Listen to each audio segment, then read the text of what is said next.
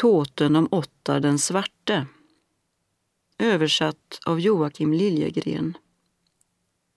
Tåten om Ottar den svarte har bevarats i flera kungasagor. Bland annat i handskrifterna Flatejarbok, Thomaskinna, Bejarbok och Bergsbok. Ottars historia utspelar sig på Olav den heliges tid i Norge. Ottar har diktat om drottningen Astrid, vilket har förargat kungen. Men med sin diktarförmåga lyckas han åter blidka kungen. Ottar hette en islänning. Han var en god skald. Han vistades en tid i hirden hos Olof Skötkonung. Han gjorde då ett kärlekskväde om Astrid, Olof Skötkonungs dotter.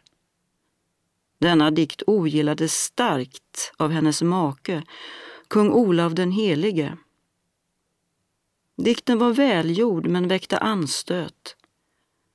När Såta kom till Norge lät kung Olav gripa honom och kasta honom i en fängelsehåla och hade för avsikt att döda honom.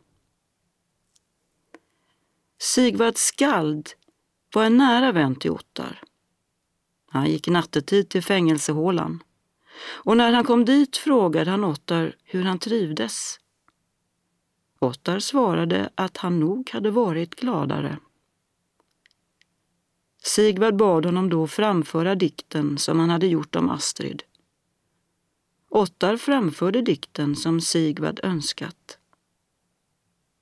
Och när han hade slutat dikten sa Sigvard Din dikt är välgjord, men det är knappast underligt att kungen ogillade den.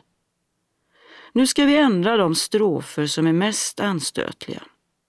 Sen ska du dikta ett annat kväde om kungen och han kommer säkerligen att vilja höra dikten om drottningen innan du blir dödad.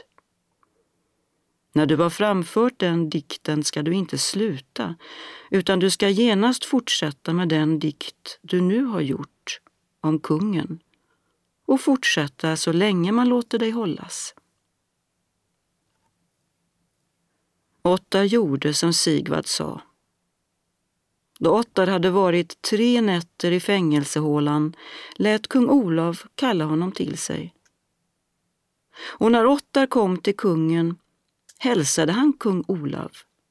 Men denne besvarade inte hans hälsning utan sa istället nu är det lämpligt att du, Ottar, innan du blir dödad, framför den dikt du har gjort om drottningen så att hon får höra vilken lovdikt du har gjort om henne.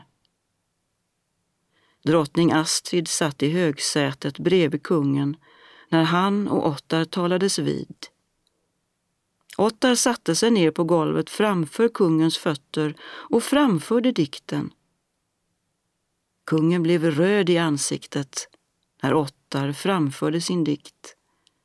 När dikten var slut fortsatte Ottar med hyllningsdikten som han hade gjort om kungen, men kungens hirdmän ropade och sa att smädaren skulle hålla tyst. Sigvard sade då det är nog så att det står i kungens makt att döda Ottar när han vill. Även om han tillåts framföra denna dikt, så låt oss lyssna noga till dikten, för det är nyttigt för oss att höra hyllningar till vår kung. Hirden tystnade efter Sigvards ord och Ottar framförde hela hyllningsdikten.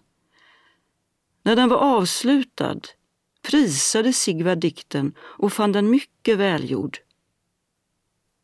Kung Olav sade då det är rådligt, Ottar, att du får behålla ditt huvud denna gång.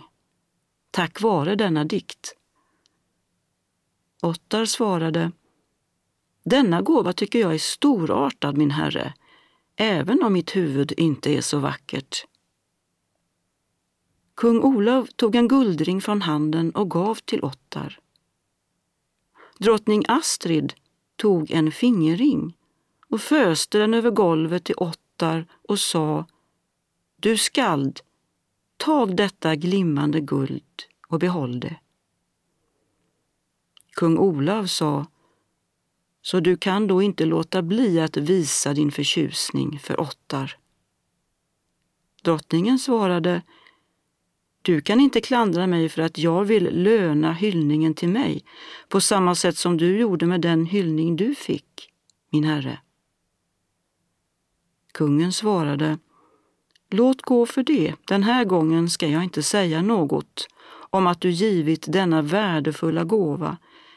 Men ni ska båda veta att jag kommer att ha föga överseende med er vänskap hädanefter på grund av den dikt som Otter har gjort om dig.